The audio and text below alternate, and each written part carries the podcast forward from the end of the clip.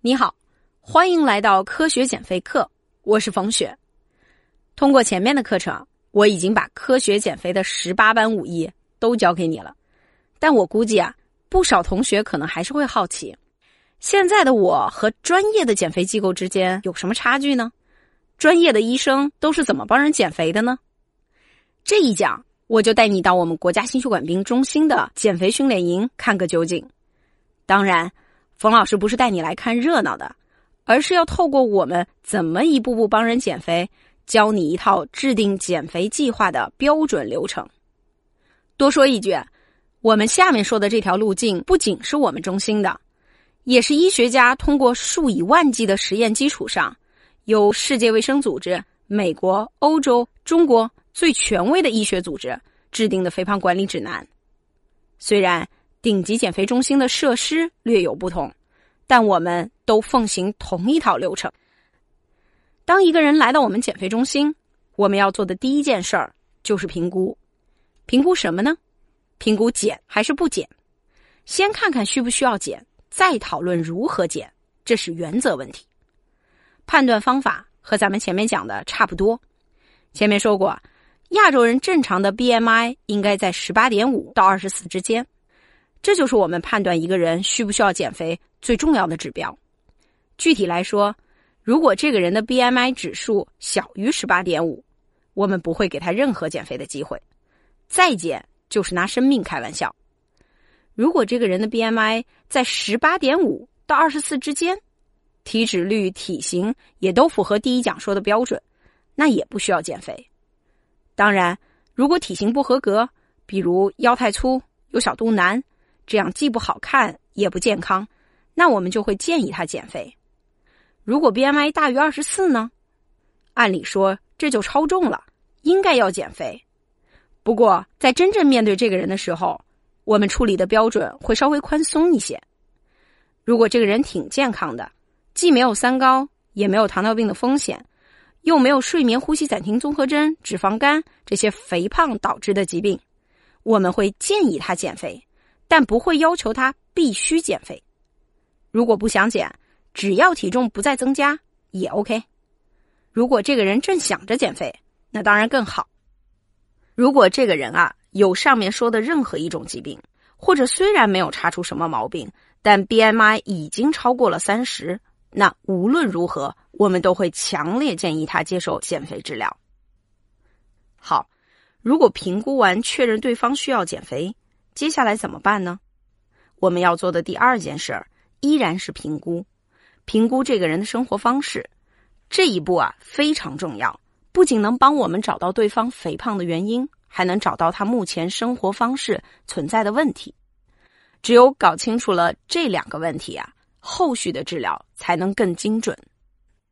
举个例子啊，还是我的闺蜜小满，她来找我减肥的时候。我先让他详细回忆了自己的减肥历程和生活方式。大学时候的小满还是个校花，一米七三的她体重只有六十二公斤。但七年前，小满不幸患上了抑郁症，从那之后啊，体重就一路狂飙，慢慢长到了七十八公斤。之后啊，他一直有减肥的念头，也间断着尝试过两次，有一次啊，还请了健身教练，但效果都不大。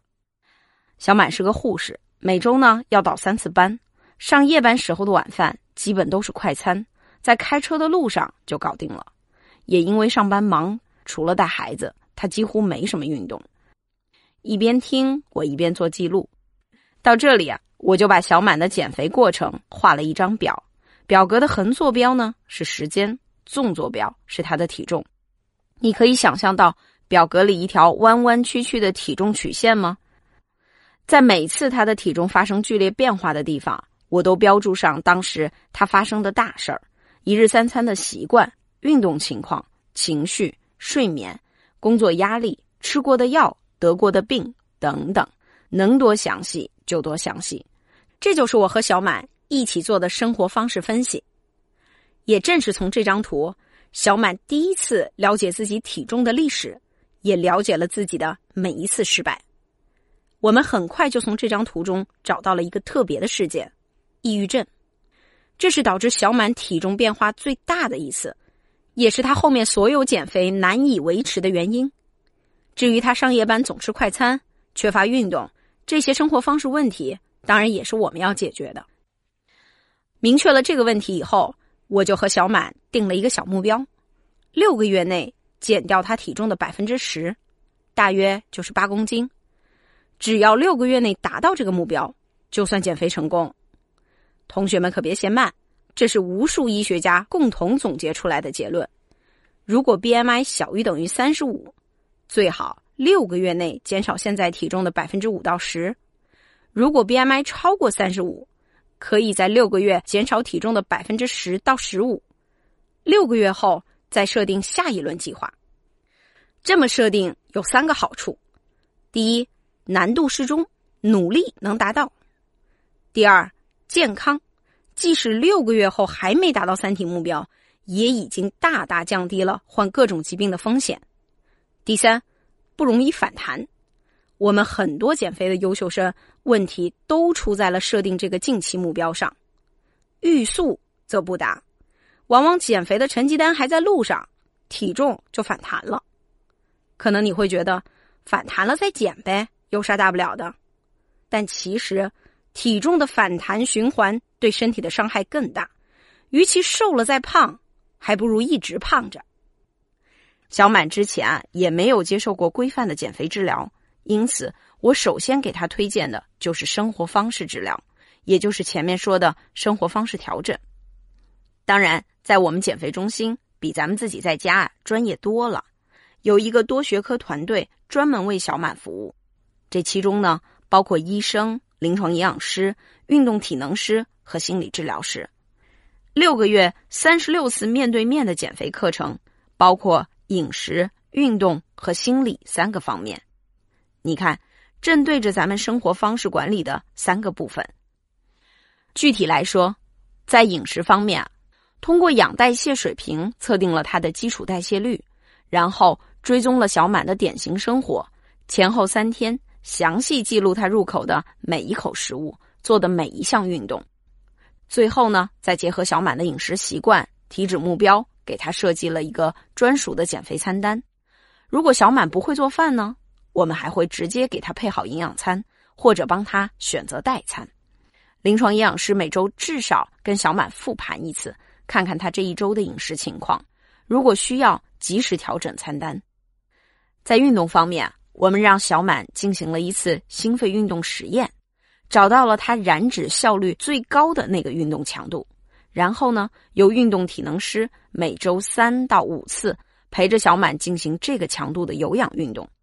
为了达到体型目标，在有氧训练之后，我们还有几组核心肌群的力量训练，重点锻炼他的腰、腹、臀、大腿这些部位。在心理方面，这也是小满最大的问题。在进行了详细的心理评估之后，我们给小满开了抗抑郁的药物，并且让心理治疗师规律的陪他做了十二次心理和正念的治疗。六个月后啊，小满的体重稳稳的减掉了八点五公斤，目标达成。但减肥治疗没有就此结束，我们依然会每个月和小满进行一次电话访谈，看看他对健康生活方式的坚持情况。现在一年半过去了，这个减肥成果还保持着。你看啊，其实都是咱们前面讲的，只不过我们有专业的团队，有更精准的检测设备。有贴身的一对一服务，正常来讲，只要你按照我们前面讲的做，大概率就都能成功。如果六个月的生活方式干预没成功，怎么办呢？这时候我们就会考虑更加严格的行为干预，比如合并代餐、封闭式的训练营、特殊的医学饮食治疗等等。如果这个人的 BMI 大于二十七，并且合并了一些和肥胖相关的疾病，比如。高血压、高血脂、心脑血管疾病，我们也可以给他考虑上奥利司他这样的减肥药物。如果合并的是糖尿病呢？我们会考虑二甲双胍或者是利拉鲁肽的治疗。和二甲双胍类似，利拉鲁肽也是一种可以治疗糖尿病并达到减肥效果的药物。如果这个人的 BMI 大于三十，虽然没有任何疾病，我们也可以推荐他开始药物治疗。如果 BMI 大于三十五，并且合并了严重的糖尿病，或者虽然没有其他疾病，但 BMI 已经大于四十，我们就会推荐他考虑减肥手术。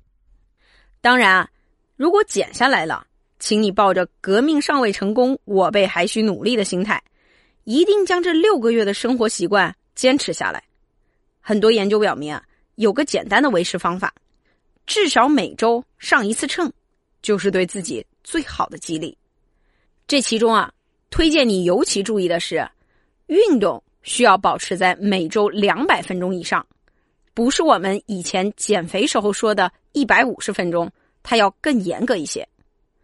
如果有条件，可以加入一年以上的长期减肥项目，至少每个月呢和专业人士联系一次。这些都会大大降低反弹的可能。